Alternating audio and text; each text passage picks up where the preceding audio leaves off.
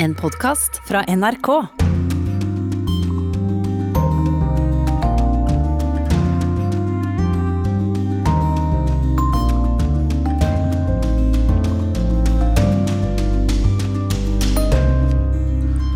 Frykt og usikkerhet preger Afghanistan etter at Taliban har tatt makten i landet. Vår korrespondent som kom hjem fra Afghanistan i går, og generalsekretæren i Afghanistan-komiteen, er med oss i denne sendingen.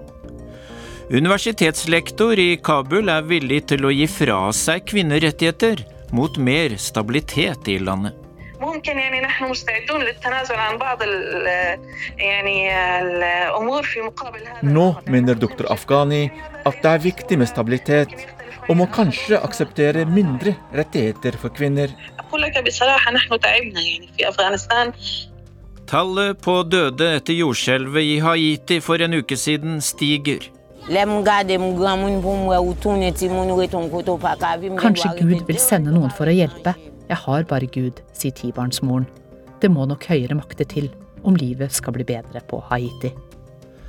Petter Skauen, som var i Haiti under det store jordskjelvet i 2010, blir med i Urix på lørdag. Vi skal også høre at mange er mot såkalte vaksinepass i Frankrike. Og i vår serie kalt Sommerspesial skal vi bli bedre kjent med Arnt Stefansen, som er stasjonert i Rio de Janeiro, og som har hatt en tøff tid i Brasil under pandemien. Da gikk jo dødstallene opp i over 4000 i døgnet i Brasil. Og sykehusene var fulle. Og, og da uh, fikk jeg også den der dødsangsten. Jeg var ennå ikke vaksinert og, og tenkte at uh, her, uh, her, er det rett og slett en, en situasjon der man kan bli alvorlig syk og i verste fall dø. Vel møtt til Urix på lørdag. Mitt navn er Dag Bredvei. Vi starter med den spente situasjonen i Afghanistan. Det er fortsatt svært vanskelig for både utenlandske statsborgere og for afghanere å komme seg ut av landet. Og vi har med oss Yama Wolasmal, vår korrespondent i Midtøsten, og du var jo blant nordmennene som kom hjem i går, og da du landet på Gardermoen sa du at tankene dine var igjen i Kabul, og Yama, hva du, hva tenkte du da du våknet her i trygge Norge i dag? Jeg, har, jeg, er hos mammaen min på Løkka, hvor jeg har vokst opp. Jeg gikk en tur i dag tidlig i Løkkas gater. og tok inn alle inntrykkene. Fredelige, solfylte Løkka som kontrast til det kaoset jeg så i Kabul. Det bare vekket alle minnene, og det bare minner meg om hvor heldige vi er som bor i dette landet. Du sa også i går at du trenger litt tid for å fordøye inntrykkene fra Kabul, men det har du kanskje ikke hatt så mye tid til? Jeg trenger både tid til å fordøye inntrykkene, men hver gang jeg snakker om de opplevelsene, så får jeg også bearbeidet alt det vonde jeg har sett. Det er derfor jeg sitter her og snakker i eh, denne sendingen, og det er derfor jeg også snakker med andre medier. For jo mer jeg får formidlet den smerten jeg har sett, jo lettere blir det også for meg personlig å bearbeide det jeg har sett. Eh, vi hører at fortsatt sliter både utenlandske borgere og afghanere som har jobbet for vestlige land med å bli evakuert på en trygg måte, og du opplevde vel også at det er veien til flyplassen og området ved flyplassen som er eh, flaskehalsen? Absolutt. Jeg satt fast i en folkemengde bestående av rundt 800 desperate personer. Vi satt fast i åtte timer. Det var alle slags mennesker der. Unge, gamle, familier. Og Noe av det verste med den situasjonen var eh, å se alle de barna. Det var en kvinne som bar på to sterkt handikappede barn på åtte og ti år. Eh, og se den fortvilelsen i øynene til den damen som øynet et håp om å komme gjennom de portene til et bedre liv. Det er et inntrykk jeg sent vil glemme. Eh, du er med oss eh, videre, Yama. Velkommen også til deg, eh, generalsekretær i Afghanistan-komiteen, Liv Kjølseth. Takk. Vi har jo i løpet av uka intervjuet din medarbeider i Kabul, Terje Vatterdal. Han har tidligere i uka måttet gi opp flere forsøk på å komme seg til flyplassen på en sikker måte. Men nå skal han ha landet i Oslo med det flyet som kom i dag eh, tidlig, stemmer ikke det? Jo, eh, mens jeg enda lå i sengen i dag morges, så fikk jeg da en tekstmelding om at han hadde landet. Så vi visste ingenting før det, men vi visste jo at han var trygg på flyplassen.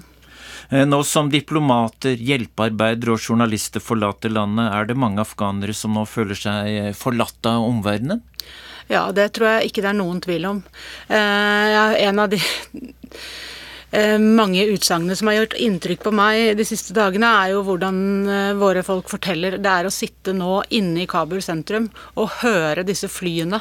Se disse svære flyene som flyr ut fra landet, og som symboliserer egentlig at de som er igjen der nå, blir overlatt til seg selv. Ja, og Nå hører vi at eh, mange amerikanere og de som har jobbet for amerikanere, de blir hentet i helikoptre inne i Kabul by og fraktet til flyplassen. Og dette vil jo folk eh, se, selvfølgelig. Ja, dette vil folk se, og det er med på å på en måte forsterke både panikken og frykten. Eh, og den følelsen av å bli forlatt. Eh, Yama, du fortalte i Dagsrevyen i går, og seerne fikk med seg ikke sant, det du sa om at du er født i Kabul og vokste opp her i Oslo. Og med din kunnskap og nærhet til Afghanistan, hvordan er det for deg å være vitne til drama som utspiller seg fra time til time og dag til dag? Kabul og Afghanistan har en helt spesiell plass i hjertet mitt. Å se de lidelsene der og se den desperasjonen jeg har vært vitne til den siste uken, det, det, er noe jeg kommer til å bære med meg veldig, veldig lenge. Um, samtidig må jeg understreke at det kommer også eh, positive signaler fra dette krigsherjede landet. Sikkerhetssituasjonen er under kontroll. De aller fleste i landet har familie i Kandahar hvor, at, hvor, folk sier at vi kan endelig puste lettet ut. Vi trenger ikke å frykte å gå ut i basaren og bli sprengt i filler av en selvmordsbomber. Så mens det er desperat situasjon rundt flyplassen i Kabul, så er det tross alt blitt roligere. Krigen er over for nå. La oss bare håpe at det fortsetter sånn. Ja, og vi skal snakke mer om dette etter en reportasje som er laget av vår kollega Mohammed Al-Ayubi. Han har snakket med universitetslektor i Kabul, som sier at mange kvinner er bekymret for framtida under Taliban, men samtidig mener, de, mener Noah al-Afghani, som hun heter, at kvinner der må akseptere mindre rettigheter for å oppnå stabilitet i landet. Samtidig er hun veldig kritisk til vestlige kvinner som er kun opptatt av hvordan kvinner i Afghanistan skal kle seg, sier hun. Kvinner har andre behov, forteller hun til NRK.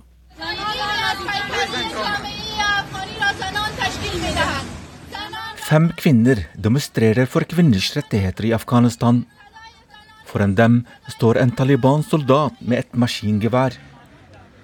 Soldaten virker litt forvirret av situasjonen, men han lar kvinnene demonstrere.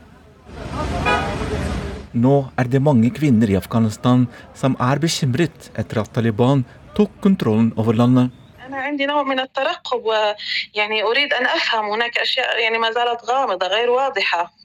Jeg er veldig spent. Det er mange ting som fortsatt er uklart. Hvordan skal undervisningen foregå? Taliban sa at skolen skal starte på lørdag. Jeg er selv lærer og er ikke sikker om gutter og jenter får lov til å være sammen i klasserommet. Får kvinner lov til å delta i politikken? Det er slike ting kvinner tenker på akkurat nå. Det forteller doktor Noha al-Afghani. Hun er samfunnslærer i universitetet i Kabul, på telefon til NRK. Alhamdulillahi wa kafa, wa salatu wa salamu ala ibadihi alladhina istafa. Men under en pressekonferanse på tirsdag lovet talsmann for Taliban Zabihallah Mujahid at kvinner vil få rettigheter i henhold til de islamske sharia-lovene. Men doktor Noha al-Afghani mener dette er ett problem. Hvis Taliban skal forholde seg til sharia-lovene, så er det flere forskjellige retninger innen islam. Hvilken retning skal de bruke? Og hvordan skal man tolke disse retningene? Det er store uenigheter rundt bl.a. kvinner og bruken av hijab. Hva skal Taliban gjøre hvis de ikke blir enig? Forteller doktor Noha Afghani.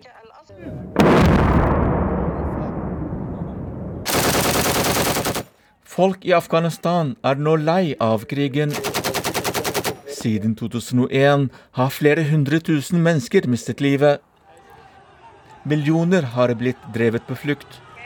ممكن يعني نحن مستعدون للتنازل عن بعض يعني الأمور في مقابل هذا Nå mener doktor Afghani at det er viktig med stabilitet, og må kanskje akseptere mindre rettigheter for kvinner. Det er ikke bare de forskjellige krigene vi er lei av. Vi er lei av fattigdom og usikkerhet. Vi trenger stabilitet nå. Det finnes ikke et styringssystem som er feilfritt. Før Taliban tok kontrollen, var det vanskeligere for kvinner å bevege seg. Jeg måtte være hjemme før solnedgang, siden sikkerhetssituasjonen var veldig vanskelig i bl.a. Kabul. Folk risikerte å bli drept av tyver, forteller Noha. Nå mener hun at vestlige kvinner må slutte å kritisere hvordan kvinner i Afghanistan bør kle seg. Kvinner har andre behov akkurat nå.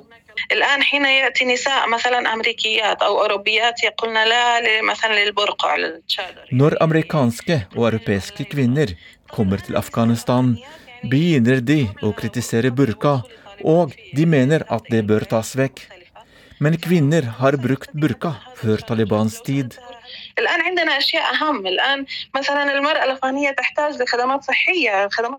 Kvinner i Afghanistan har andre behov akkurat nå. Kvinner trenger bedre helse og utdanning. USA var her i 20 år, og de klarte ikke å bygge et ordentlig bibliotek i løpet av disse årene.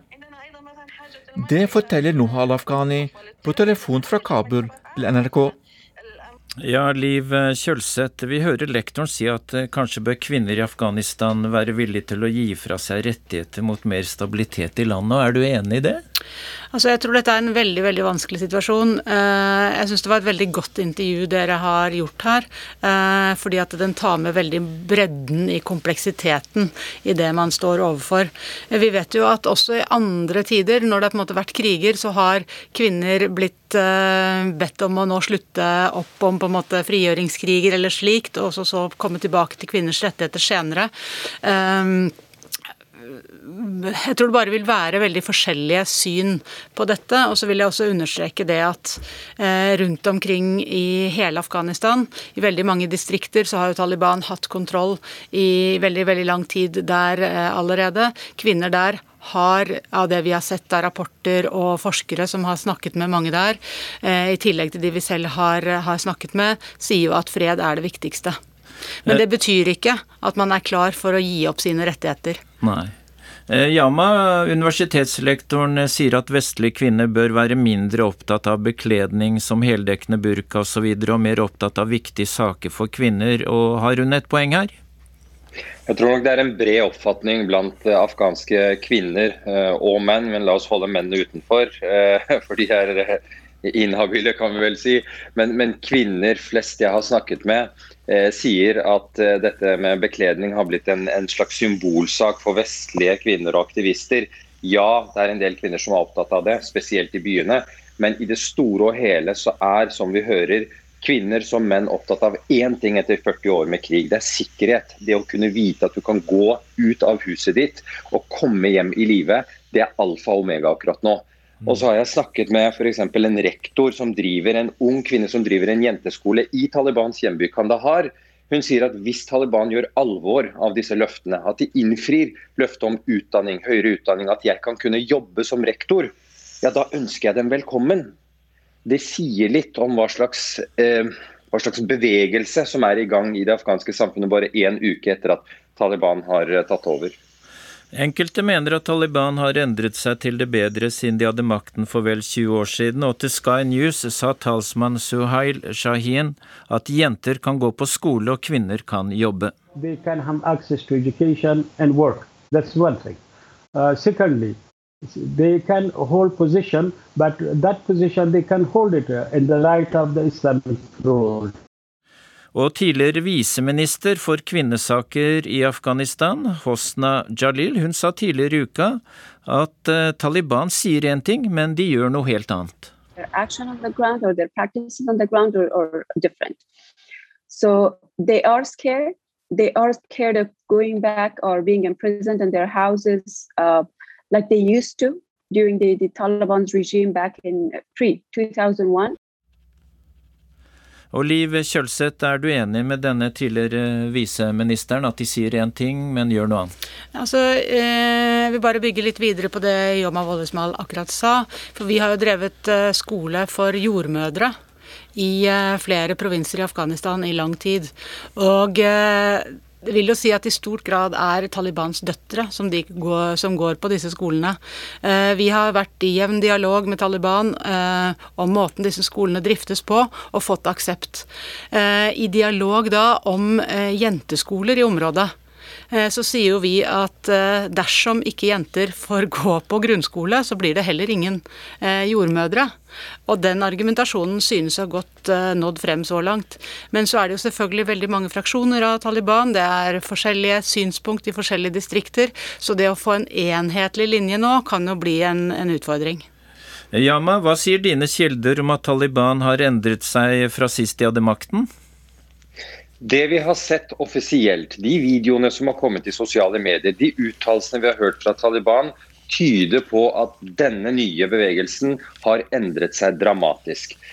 Tidligere, da de satt med makta, så hadde vi historier, skrekkhistorier om at kvinner som oppsøkte, oppsøkte sykehus med alvorlige lidelser, ikke kunne bli undersøkt av en mannlig lege. Hun måtte sitte bak et forheng og forklare hvor i kroppen hun har vondt, og han måtte fjerndiagnostisere denne kvinnen som satt en meter unna.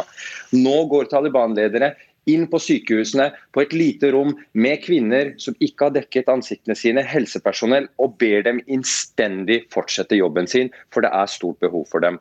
Så de offisielle uttalelsene gir grunn til håp. Og så spørs det om dette varer, og hvordan dette eh, foregår ut i distriktene.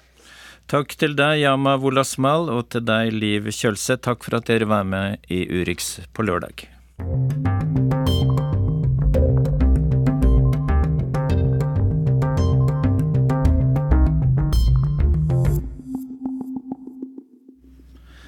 Det er gått en uke siden Haiti ble rammet av et kraftig jordskjelv. Bare tre dager senere, mens letingen etter overlevende pågikk, kom den tropiske stormen Grace med øsende regnvær. Klokken tikker på overtid for å finne overlevende, og dødstallene stiger. Vi har denne reportasjen laget av Anja Strønen. Dette er lyden av en fotballbane full av folk. Det høres ikke slik ut, her er ingen jubel, heiarop og glade folk som danser på tribunen. Her sitter folk på bakken, snakker lavmælt, tom i blikket. Selv barna holder seg i ro. Dette er havnebyen Lekai på det vestlige Haiti. En av de byene som ble hardest rammet da det voldsomme jordskjelvet slo til mot det lutfattige landet for nøyaktig én uke siden. Fotballbanen er fylt opp med de som var så heldige å overleve. Over 2200 er så langt funnet døde og de som er igjen, har knapt noe å leve av og for.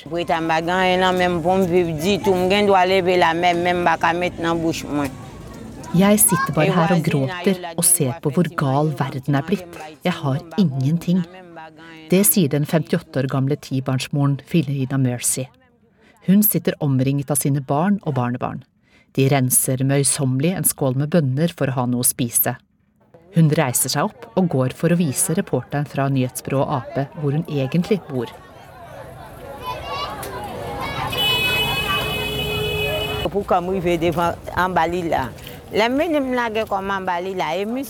I en haug av ruiner er det bare noen vegger som står. 30 000 er blitt hjemløse. Filina peker på de få veggene som står. De er fulle av sprekker. Her kan de ikke bo. Hun livnærte familien ved å selge sukkerrør på gaten, men det er lenge siden hun gikk i pluss. Folk har ikke penger til å betale, og de som fikk kjøpe på Krita, ser hun ikke noe mer til. Landet som er det fattigste på den vestlige halvkule, sliter fortsatt etter jordskjelvet i 2010. Det kostet 200 000 mennesker livet. Til tross for at det ble gitt milliardsummer, er lite gjort for å gjenoppbygge landet. En stor del av pengene er havnet i de gale lommene. Landet er gjennomkorrupt, preget av analfabetisme, overbefolkning og manglende infrastruktur. Kriminelle gjenger dominerer i mange områder, og matproduksjonen er lav fordi en nesten total avskogning har gjort jorda tørr og ufruktbar. På toppen av dette kom koronapandemien, og nok en politisk krise etter drapet på presidenten i juli.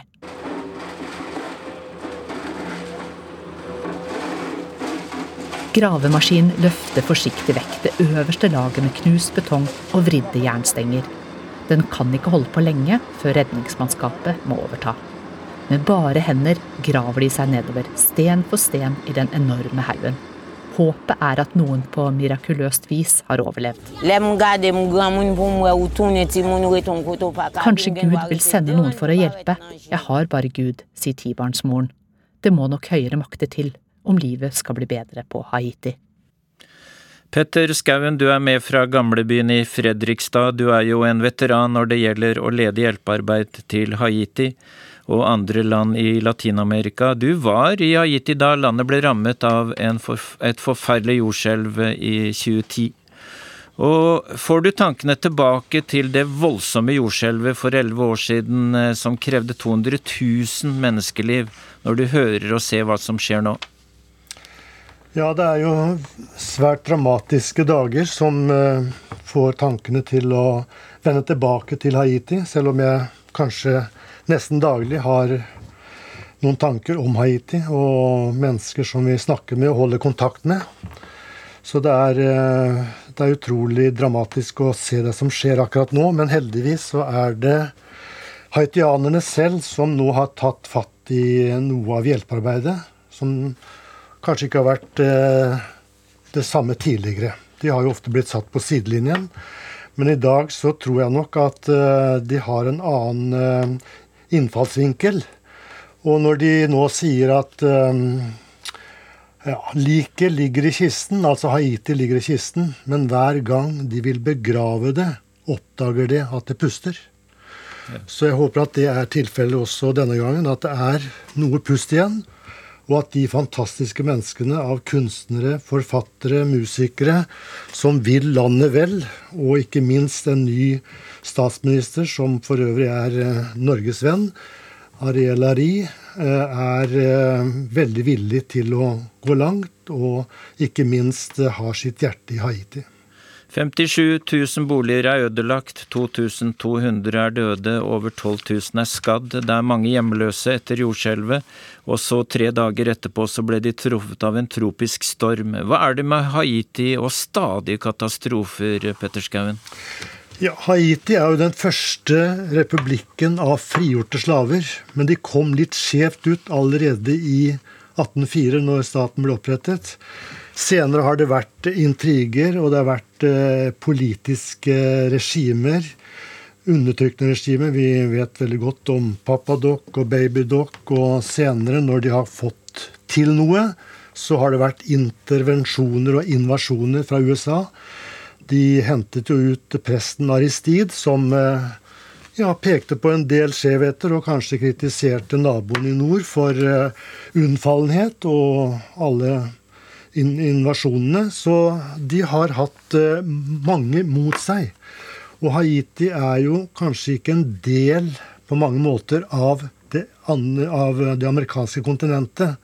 Det sies jo at Haiti er eh, datter av Afrika og Frankrike, som flyter i Karibia. Og det er sant, de er litt isolert. Og det har vært mye fordommer og myter knyttet opp mot Haiti. De fikk skylda for aids-epidemien. De har eh, slitt lenge med, med, fattigdom, og ikke minst så er det utplyndringen av Haiti. Det gikk i sin tid 27 skip fra Port-au-Prince med kaffe, bomull, sukker, tresorter, mahogni, indigo. Eh, alle edle tresorter, 97% dyrkbar mark, er i dag blitt til 9 hvor de kan dyrke mat. Så det er sult, det er fattigdom, men samtidig så er det kunst. Det er malerkunst. De tar ut sin frustrasjon, de tar ut sin sorg gjennom kunsten, musikken. Vi husker Wycliffe Shaun som ledet Nobelkonserten, som ropte 'Hvor er prinsessen?' De har humor, de har eh, talenter. Men de fungerer bedre utenfor Haiti enn i Haiti. Det sies eh, blant mange. Tusen takk, Petter Skauen, for at du var med oss og ga oss dette bildet av Haiti, og med direkte her i Urix på lørdag.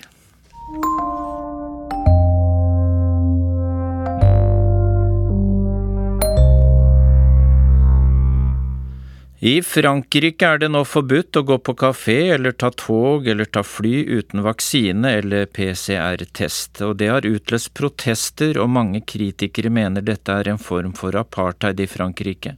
En av kritikerne er sykepleier Beatrice Mandat, som vår reporter Johan Tolgert har snakket med i Paris. Frihet, skriker demonstrantene mot vaksinepasset i Frankrike. On peut pas passer pour aller faire les courses à, à Carrefour. Jag bor i samma hus som Supermarket men får inte gå in och handla mat bara för att jag inte är vaccinerad.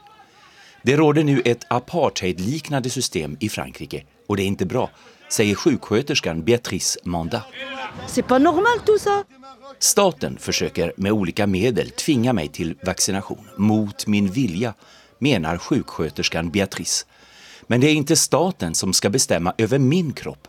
Jag är vuxen nog att göra det själv, säger hon. Men non, l'État il, il oblige les gens, mais il, il n'a pas le droit de faire ça. I mitten av augusti införde Frankrike ett av EUs strängaste covidpass. 40 miljoner fransmän har i dagsläget fått två vaccindoser. När de visar upp sitt vaccinationspass i mobilen får de samma rättigheter som tidigare i samhället. Resterande cirka 27 miljoner, inklusive barn och icke vaccinerade fransmän, de har dock fått mindre rättigheter än tidigare. Till exempel får ingen utan vaccin eller utan PCR-test åka tåg, ta flyget eller besöka stora köpcentran. Sjuka människor utan vaccin eller utan PCR-test nekas vård vid sjukhusen och de stoppas på landets restauranger. Det är restaurangägarna som kontrollerar gästernas covidpass, men de ogillar att arbeta som polis. Les gens ne sont pas libres. Et tout le système est conçu pour qu'on soit en démocratie, pour qu'on nous impose. Kontrollerna är en form av diktatur. Gästerna tycker att de förlorat sin frihet och kommer inte som förr, säger kaféägaren Simon på Le Barbier. Han själv är vaccinerad. Just nu serveras här couscous. Kyparen Wahid säger att konsekvenserna har blivit att inkomsten gått ner på kaféet med mellan 50 och 70 procent. On est plus entre 50 et 70% de monde. Fast biologistudenten Anna gillar de nya sanitära lagarna. Bah, je pense que c'est une bonne idée à cause euh, des deux restrictions euh, qu'on a eues avant. Pour moi, c'est une bonne idée. Det känns ganska skönt och säkert att gå på krogen och veta att bara vaccinerade sitter strax intill, tycker Anna. I veckan kontrollerades gästerna på 125 etablissemang i landet mitt under måltiden av polis. Ingen blev bötfälld. Covidpasset har utlöst protester i flera veckor och demonstranterna ger sig inte. Med banderoller som president Macron farligare än corona protesterade upp till 384 000 människor på landets boulevarder förra lördagen. Och idag pågår nya demonstrationer runt hela Frankrike. Det är inga jättesiffror med tanke på att demonstrationer i andra frågor kan samla över miljonen demonstranter, men... Det är en, det är en hög siffra, Mm. det är det absolut. Norsk-franska statsvetaren Benedicte Berner, som under många år undervisat på Sciences Po, Frankrikes kanske mest eftertraktade elitskola, hon tänker på att det är ovanligt med demonstrationer i semestermånaden augusti. Därför er siffran høy. Från og med den 15 september tvinges ansatte inom helsesektoren og brandkåren til obligatorisk vaccinering. Den som ikke lyder straffas med avstengning samt utebliven lønn på ubestemt tid. Sjukhusanställda hotar med strejk om vaccinationskravet ikke stoppas. Sjuksköterskan Beatrice Mandat igjen. Det som sker nå i Frankrike, det är inte demokratiskt, tycker hon. Oui, bah, je pense que c'est pas démocratique.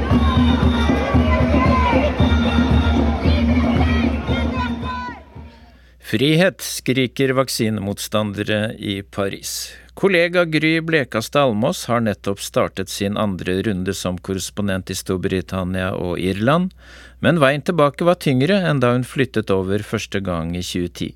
For nytt av året er at man må søke visum for å bo og jobbe i landet.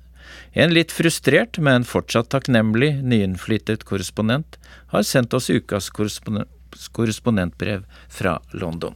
Det er mye som er akkurat som før. Den samme dama sitter i kassa i butikken. Banken sender fortsatt sjekkhefte til nye kunder.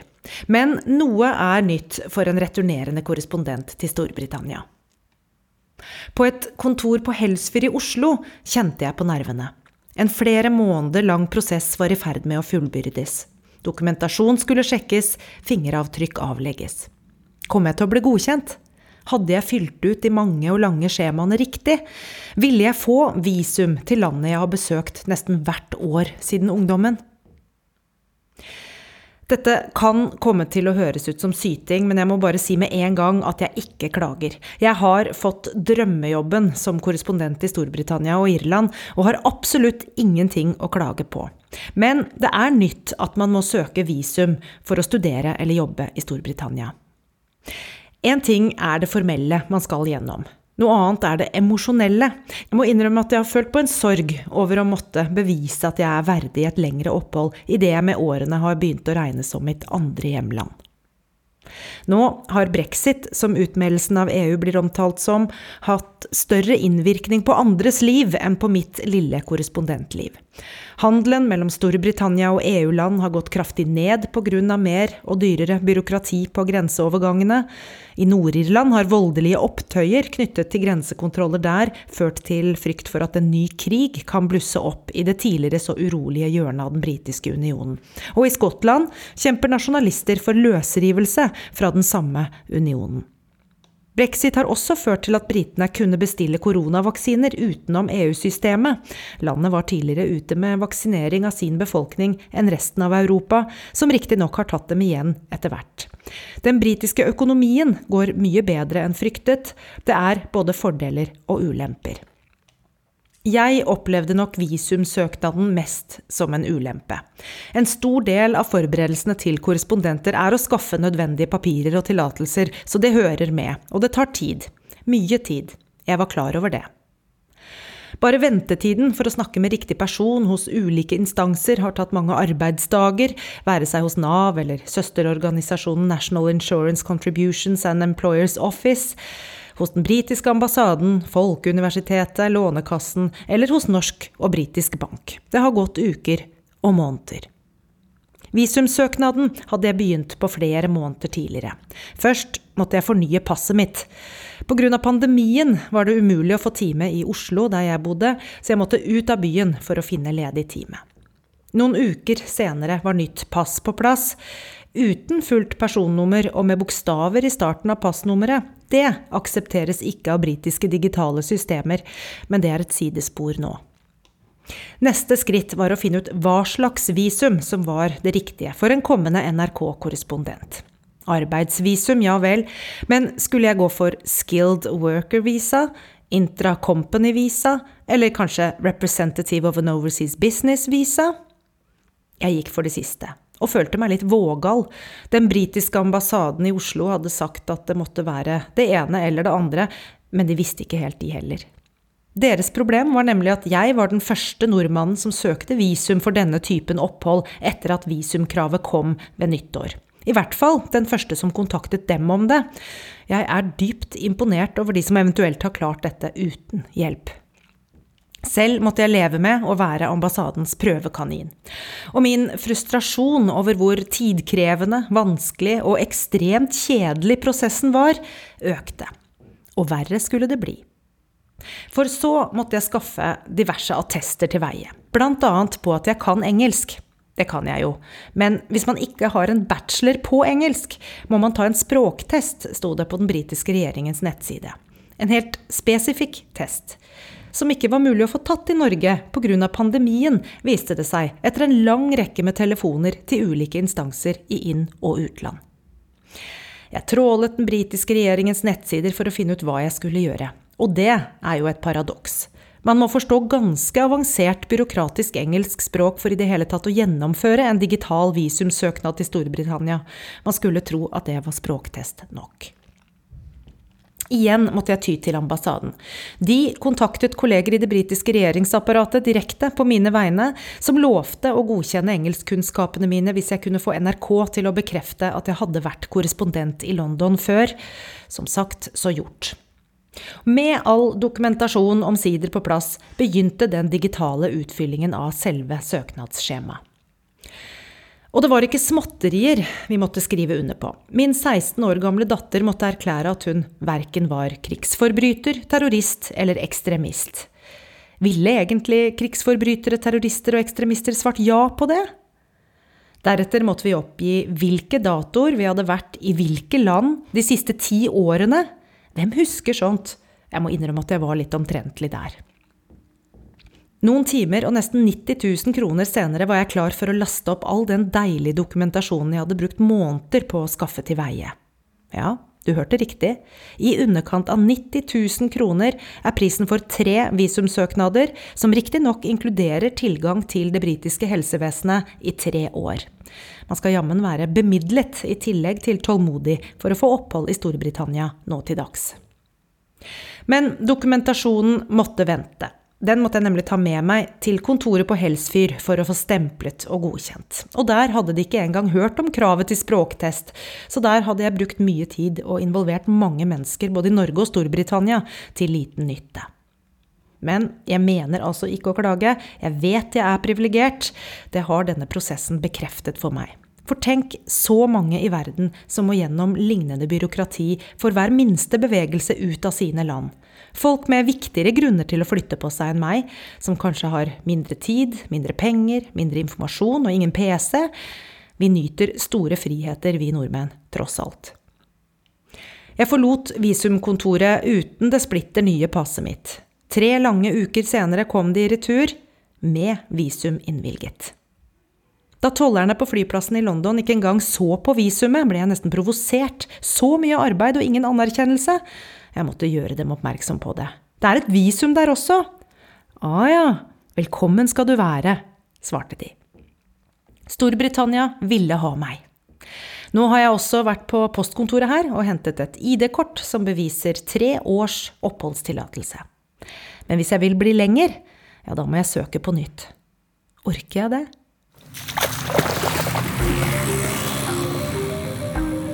Da gikk jo dødstallene opp i over 4000 i døgnet i Brasil.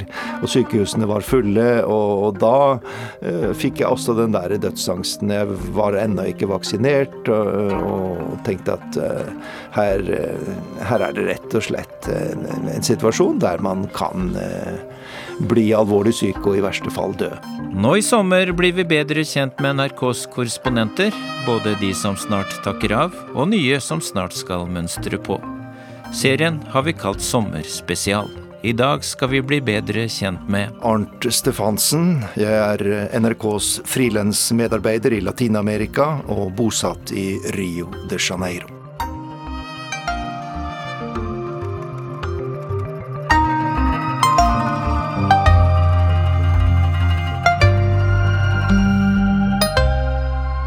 Arnt Stefansen, hvordan er det å være tilbake her på moderskipet for noen måneder? Det er eh, rett og slett eh, fantastisk. Eh, etter to år i Latin-Amerika, hvorav 16 måneder var en intens koronaperiode. Latin-Amerika var jo et av de hardest rammede områdene i verden i lange perioder. Og jeg er jo en mann på 68 år, altså i risikogruppa. Og det er klart, mentalt sett så var det veldig hardt i perioder å, å være der. Og tilsvarende stor lettelse var det å, å komme tilbake til Norge, og, og, veldig hyggelig å møte kolleger og kjente etter så lang tid. Hvis vi ser bort fra pandemien et øyeblikk, eh, hvordan er det å ha adresse i Rio? Det kan ikke være så dumt sted å være i denne verden?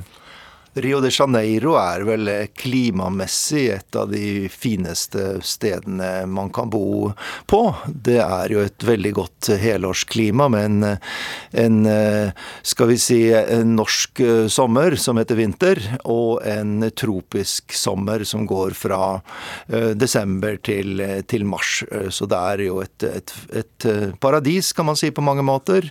Eh, klimamessig, værmessig sett, men også en veldig krevende by med mye kriminalitet og, og mye sosial urett som, som plager meg som, som, nordmann. Å se de store sosiale forskjellene, urettferdigheten, så mange som ikke får noen sjanse.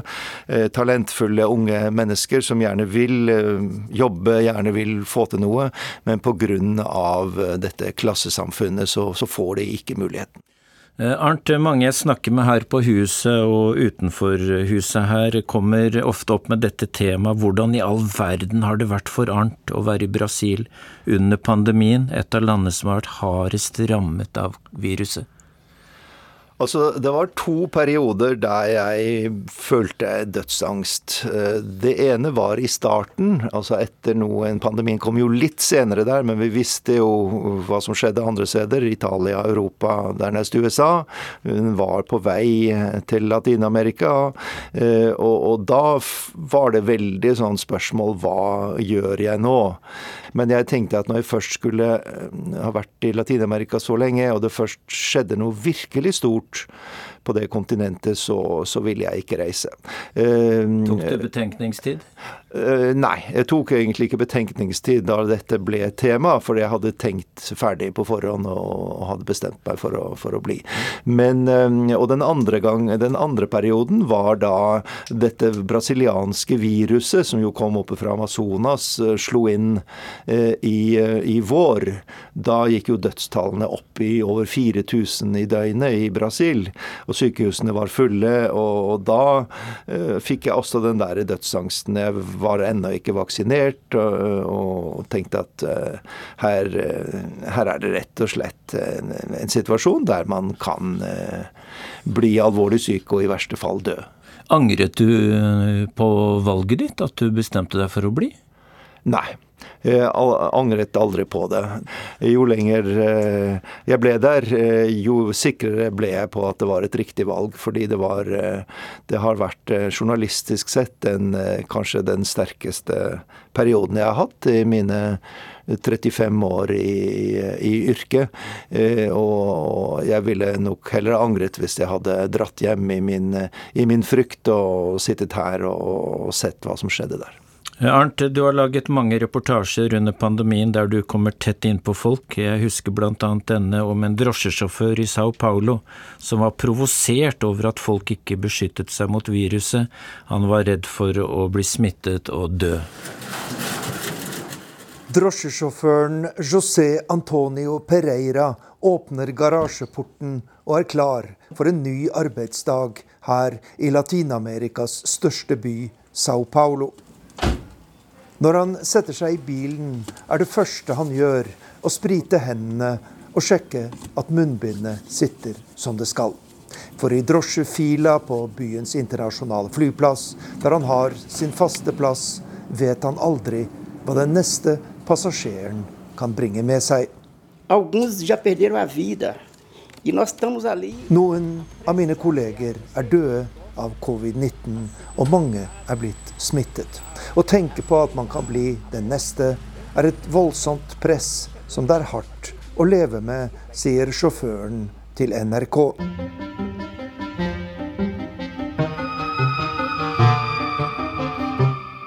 Eh, Arnt, i denne serien pleier vi å spørre hvordan din drømmesommer er, men du pleier jo å jobbe hele sommeren, du?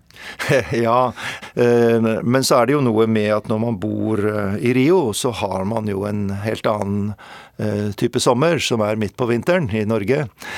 Og da har man heller ikke det samme behovet for å ta ut lang ferie. Man er frilanser og kan ta seg en fridag innimellom, eller noen timer og, og gå på stranda hvis det er rolig. Så, så, jeg har vel ikke det samme behovet for uh, verken uh, sommerferie eller et spesielt eh, sommersted som mange andre.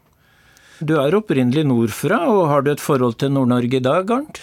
Det der er et, et, et, veldig interessant spørsmål, fordi nå er det mange, mange år siden jeg var i, eh, i Nord-Norge og Vesterålen, som jeg, som jeg kommer fra. Sigerfjord i Vesterålen, et flott lite sted. Men det er mange år siden jeg har vært der, og jeg har jo ikke familie der lenger som, som, som gjør at jeg reiser. Men nå, de siste årene, så har jeg merket et større ønske om å komme tilbake til de stedene som jeg kommer fra. Så fort det byr seg en, en mulighet, så kommer jeg til å ta en skikkelig eh, reiserunde i de områdene som jeg kommer fra.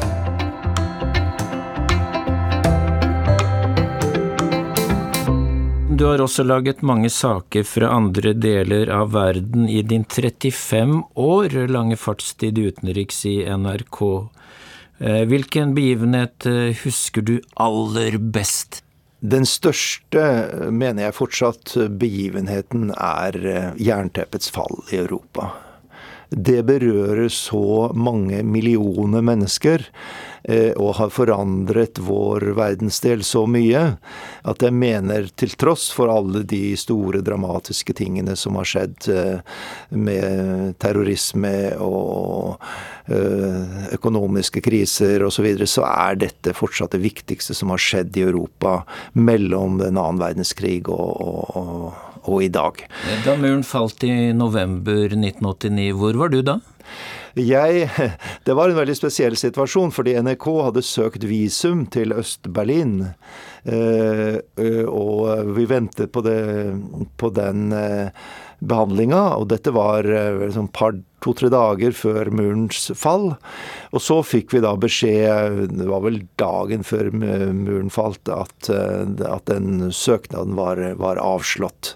Og jeg husker at den østtyske ambassadøren i Oslo ble innkalt på teppet til, til utenriksminister Thorvald Stoltenberg og, og fikk en skrape eh, pga. dette.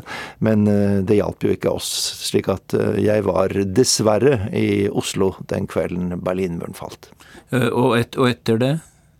Etter det så dro vi eh, med et team ganske raskt. I løpet av noen få dager så, så, så dro jeg ned til Øst-Berlin. Og det var en utrolig spesiell eh, journalistisk eh, opplevelse.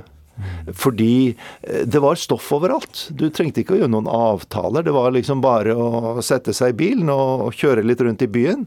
Så så, så du et eller annet, eller møtte noen, det var et møte, eller det var Så det var en sånn journalistisk noe av det mest spesielle eh, perioden jeg har opplevd. Eh, og jeg husker spesielt vi kom forbi hovedkvarteret til det østtyske kommunistpartiet, SED. Eh, og der står det med sånn svære eh, metallbokstaver 'Sosialistische eh, Partei', ikke sant, med, med sånn. Og akkurat da vi kom forbi der, så var det noen arbeidere som var i ferd med å demontere disse bokstavene. Og akkurat idet vi går ut av bilen, så skrur de ned S-en i sosialisme ja.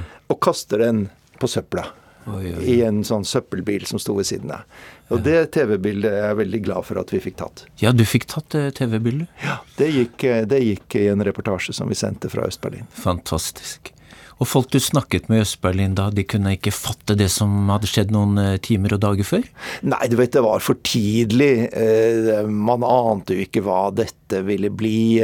Det var jo fortsatt de færreste som trodde at Tyskland skulle bli samlet. Og jeg husker vi møtte noen eh, soldater, nei, noen politifolk. Og disse østtyske politifolkene, de var jo noen litt sånne viktigperer og, og drev og hersa med folk alltid når man var der i under DDR-regimet. Og så bare jeg fikk en innskytelse, så sa jeg til kameramannen la oss gå bort og intervjue dem. Og de ble jo helt for, forferda, fordi at en, at en, journalist bare kommer bort til de og begynner å stille spørsmål. Det var jo de som skulle stille spørsmål. og da spurte jeg eh, om han trodde at eh, Tyskland eh, skulle bli samlet. Og da bare svarte han litt sånn arrogant at vi har da viktigere ting å holde på med enn å snakke om gjenforening av Tyskland. Uh, Arnt, du har et helt spesielt forhold til 4. juni 1989. Det er politisk festdag i Polen i dag. Folk er blide og opprømte. I dag står de i kø med glede. 18 millioner mennesker har stemmerett. Det er ventet at mellom 70 og 80% av dem vil benytte seg av denne retten. Det statlige fjernsynet har hele denne siste uka kjørt programmer med rettledning i valgreglene, og folk ser ut til å ha lært leksa si. Men hvem stemte de på? Na Solidarność. Na Solidarność oczywiście. Jak najbardziej i wierzymy, że wygramy. Ja, dette handler om at Polen holder det første delvis frie valget i det kommunistiske Øst-Europa. En helt skjellsettende begivenhet, som jo også førte til at eh, fagbevegelsen Solidaritet kom inn med et enormt antall eh, representanter i det polske parlamentet. Og dette var jo en av de virkelig stolpene i denne eh, utrolige utviklingen som, som skjedde sommeren 1989. Men denne dagen så skjedde det så mye annet. Vi var jo helt sikre på at vi skulle lage toppsaken i Dagsrevyen, selvfølgelig, når vi var i Warszawa og andre steder for å lage dette. Mm. Men den samme dagen så skjedde altså da massakren på Den himmelske freds plass ja. i Beijing. Eh, Ayatollah Khomeini døde, og det var en svær togulykke i, eh, i Sibir med mange, mange hundre ofre. Så vi kom jo langt ned i den sendinga til tross for at vi laget en så historisk sak.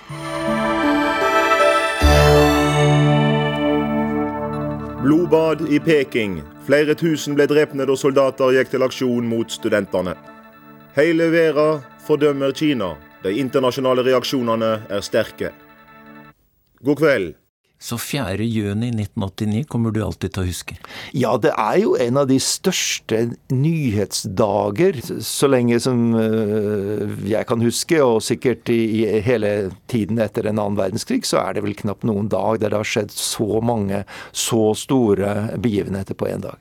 Er det en story du tenker at du fortsatt gjerne skulle laget, Arnt? Altså Det er jo dette med å, å, treffe helt eh, spesielle personer. Og jeg har jo vært veldig heldig med eh, de, de, mange årene jeg har jobbet i Europa, så har jeg jo intervjuet veldig mange eh, berømte eh, europeere. Mm, altså alle tyske forbundskanslere fra Brandt og Willy Brandt og frem til i dag. Jeg har intervjua Lech Walesa, jeg har intervjua Vaslav Havel. Altså mange av de store, store europeerne. Uh, men jeg har jo en litt eh, en, en musikkinteresse, da, i, i, eh, i, tillegg til journalistiske interessen. Og jeg innrømmer gjerne at jeg er en stor fan av The Beatles. Jeg har jo spilt sjøl, og spilt mye av mange av disse sangene selv. Og, og hvis det er én person som jeg veldig gjerne skulle møtt, som jeg beundrer, så er det Paul McCartney.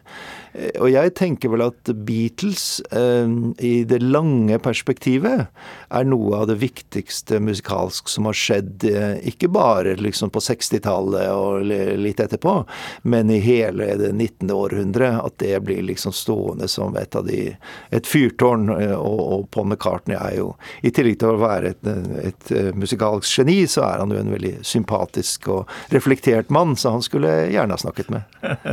Fantastisk, Arnt. Nå tror jeg både jeg og flere lyttere ble litt overrasket.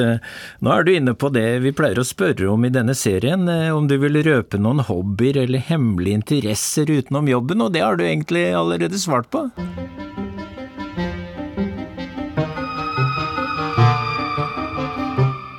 Arnt, hva var det som dro deg i retning utenriksjournalistikken i sin tid? En ting som vel trigga dette spesielt, det var jo disse endringene i Sovjetunionen, som var det første landet som jeg virkelig satset på. Jeg begynte å lære meg russisk eh, da Mikhail Gorbatsjov kom til makten i 1985. Eh, og det handlet mye om Sovjetunionen de første årene, og så ble det litt mer Europa, og så ble det andre ting etter hvert. Ja, Du forteller at du lærte deg russisk. Nå bor du i Brasil, hvor de snakker portugisisk. Kan du ramse opp alle språkene du kan? For du er veldig språkmektig, Arnt. Vel, nå, nå, er det jo sånn at de, de, språkene jeg kan er jo europeiske, og det kan kanskje ikke sammenlignes med de som har lært seg eh, kinesisk og arabisk, eh, sånn sett. Men, men jeg har jo de fire latinske språkene, altså italiensk, spansk, fransk og portugisisk, og selvfølgelig engelsk og norsk. Og, og, og tysk er jeg ganske god i. Russisk var jeg ganske bra i, nå er det blitt ganske rustent. men jeg tenker tenker vel at jeg skulle kunne klare meg eh, bra hvis jeg får et par-tre par, uker i Moskva. Helt til slutt, eh, Arnt. Både du og jeg er ingen ungdom lenger. og Vurderer du å pakke kofferten i Rio for siste gang og flytte hjem til gamlelandet permanent? Dette er jo virkelig et av de eh, eksistensielle spørsmålene når man er 68 eh, år. Eh, jeg tenker vel ikke å flytte tilbake til Norge, men jeg tenker kanskje når man blir pensjonist at det kan bli en slags tilværelse med litt reising og skriving, og at man kanskje vil tilbringe en god del tid i, i Sør-Europa, i land som jeg har jobbet mye og hatt, eh, har veldig sterk tilknytning til, som Italia og Spania f.eks. Kanskje noe Tyskland.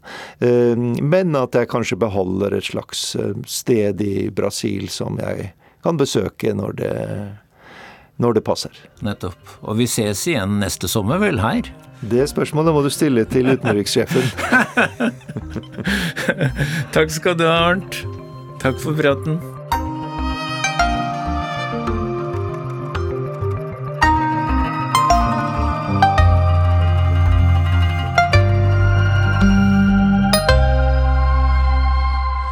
Teknisk ansvarlig for denne utgaven av Sommerspesial var Marianne Myrhol og Finn Lie. Urix på lørdag er straks eh, slutt. Produsent var Anne Skårseth. Teknisk ansvarlig Marianne Myrhol. I studio denne formiddagen Dag Bredvei. Vi takker for følget og ønsker dere alle en fortsatt god helg.